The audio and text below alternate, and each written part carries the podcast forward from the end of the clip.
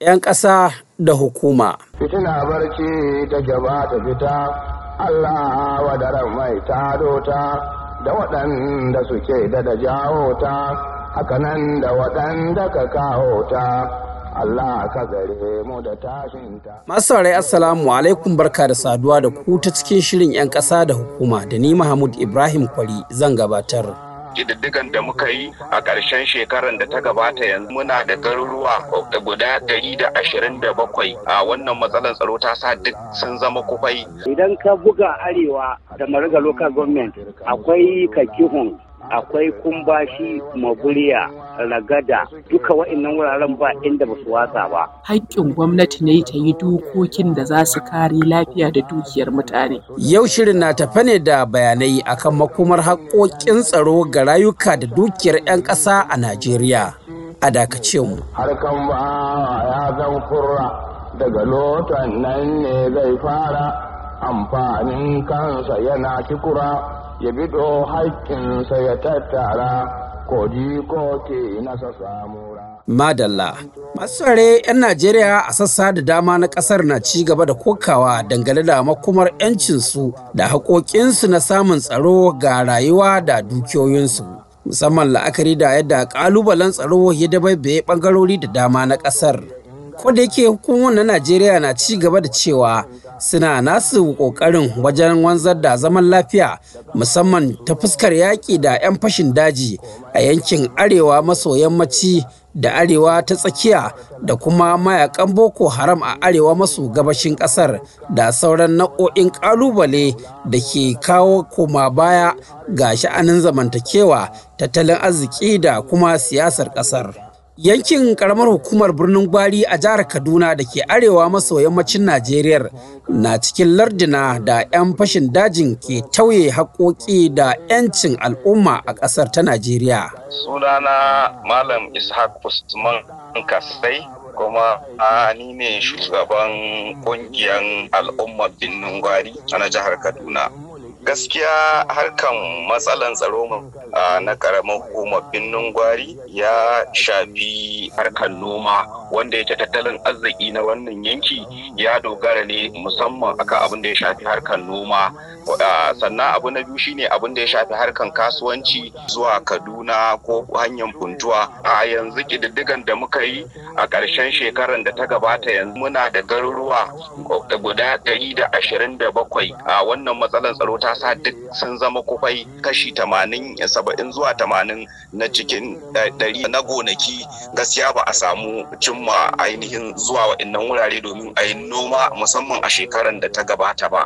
Abin da muka tattara shi ne yanzu akalla dai mutane da aka tada a yankunan su a ainihin gundumomin nan guda goma sha ɗaya na karamar hukumar birnin gwari akalla an tada mutane ya kai mutane dubu hamsin waɗanda da kansu a taƙaice an raba su da mahallansu.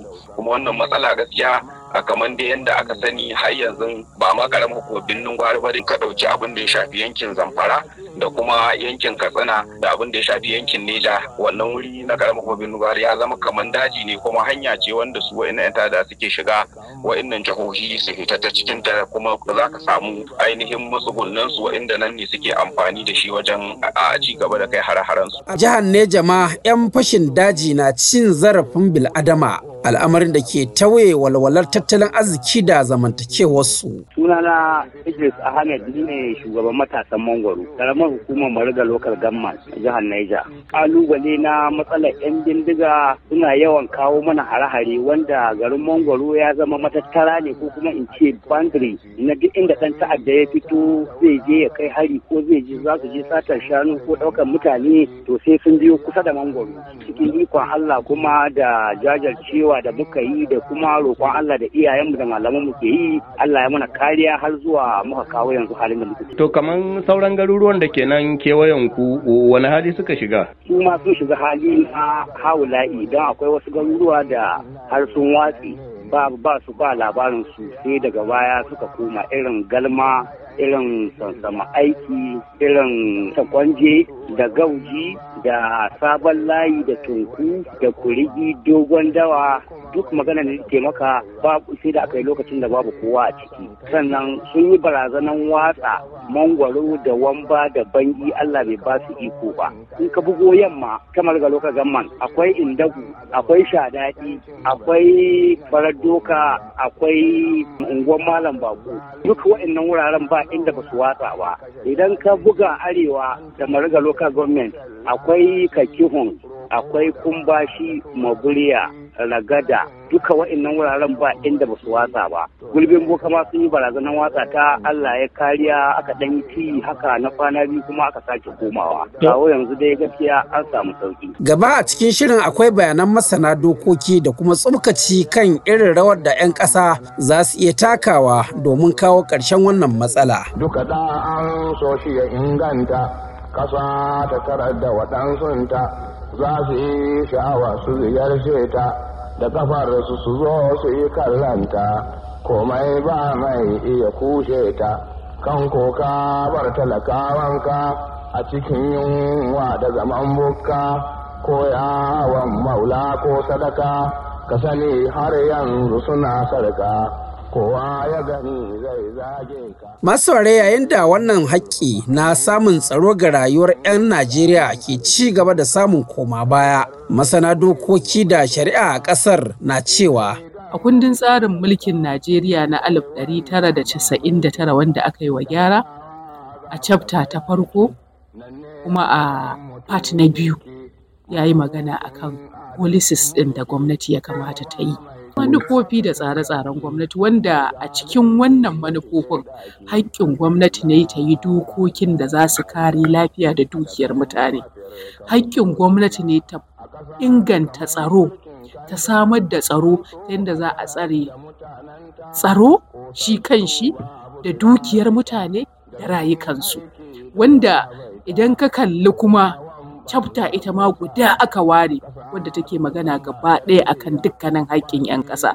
So kamar yadda aka ce idan ka duba a shi wannan chapter 1 ɗin part 2 yana maganar cewa kundin tsarin mulki ya kallafa wa 'yan majalisu na sanatoci da wakilai House of Representatives su fito da dokokin nan. Duk sanda aka ce babu doka, babu tsaro, babu zaman lafiya, to ya kamata a ce an yi dokar da za ta inganta wannan shine haƙƙin ɗan ƙasa kan shugabanni. Kuma wannan haƙƙin abin da ya sa ka ji ana ce musu fundamental saboda an riga an tantance su an zuba su a littafi an kare su an kiyaye su shi ake ce musu fundamental human right haƙƙi ne wannan constitutional provision ne chapter guda aka ware na wannan government policies ɗin dole 'yan majalisa su fito su dokar da za ta kawo zaman lafiya ci gaban al'umma da inganta tsaro da tattalin arzikin jama'a. Amina Umar Hussein kenan lauyar kare hakkin bani Adama a Najeriya. Sai dai a nasa tsokacin Alhaji Aminu Jahun guda cikin masu sharhi kan al'amarin yau da kullum a Najeriya ya ce sai an haɗa ƙarfi da ƙarfe tsakanin 'yan ƙasa da gwamnati kafin a iya kawo ƙarshen wannan ƙalubale na tsaro a ƙasar. Idan ka ɗauka misali duka harka na arewa ke to yanzu gwamnati ta zo ta ba minista babban minista yana dan jigawa ƙaramin minista yana dan sanda minista dan sanda dan duk tsaron nan an tara shi a arewacin Najeriya. Amma ba za a samu nasara ba an ba su haɗin kai da bayanai na sirri a haɗa ƙarfi da ƙarfe da sarakuna da yan boko da duk wanda ya isa da sauran yan siyasa domin a sami a ba da bayanai domin a sami yadda za a samu sauƙin tsaron a Najeriya. Gwamnati ta rungumi mutane da nemi bayanai kuma mutane su yadda su buɗe kirjinsu su ba da bayanai yadda za a samu zaman lafiya. Soja kawai da ɗan sanda ba zai iya kawo zaman lafiya a Najeriya ba. Dole sai mutanen ƙasa sun ba da bayanai na sirri domin a sami dama a samu tsaro a wannan ƙasa ta Najeriya. Kaga kamar misali da lokacin da aka rubuta mulkin ƙasar nan har yanzu zuwa lokacin mu muna samari mun san cewa sarakunan musulunci sarakunan gargajiya suna ta cewa domin idan bako kai ya je ya zo gari za a tambaye shi mai unguwa zai tambaye shi da digaci. Idan san kira ne gidan sarkin san kira za a kai shi. In sarkin aska ne gidan wanda bai za a kai shi. In almajiri ne tsangaya za kai shi. Kai in ma dan tasha ne tasha za a kai shi wajen sarkin tasha. Saboda haka an san kowaye ya zo za a sani to yanzu an bar kowaye bris. Sarakuna kamar so kake a dawo nan tsari? Kwarai kuwa. Ai mutuka ba a dawo da ba da bayanai da sanin bako ina ya zo ina yake ba. Ba a taɓa samun zaman lafiya a Najeriya.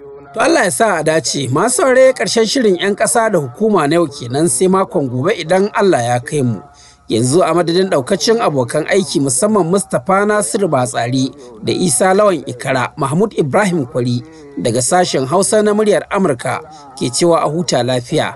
Wassalamu alaikum. A ƙasa duka mai mulkin kanta an so a tara da mutanenta kosassu ba abu tsiraraita da rashin aiki daga labaita koyawan banza ko sata.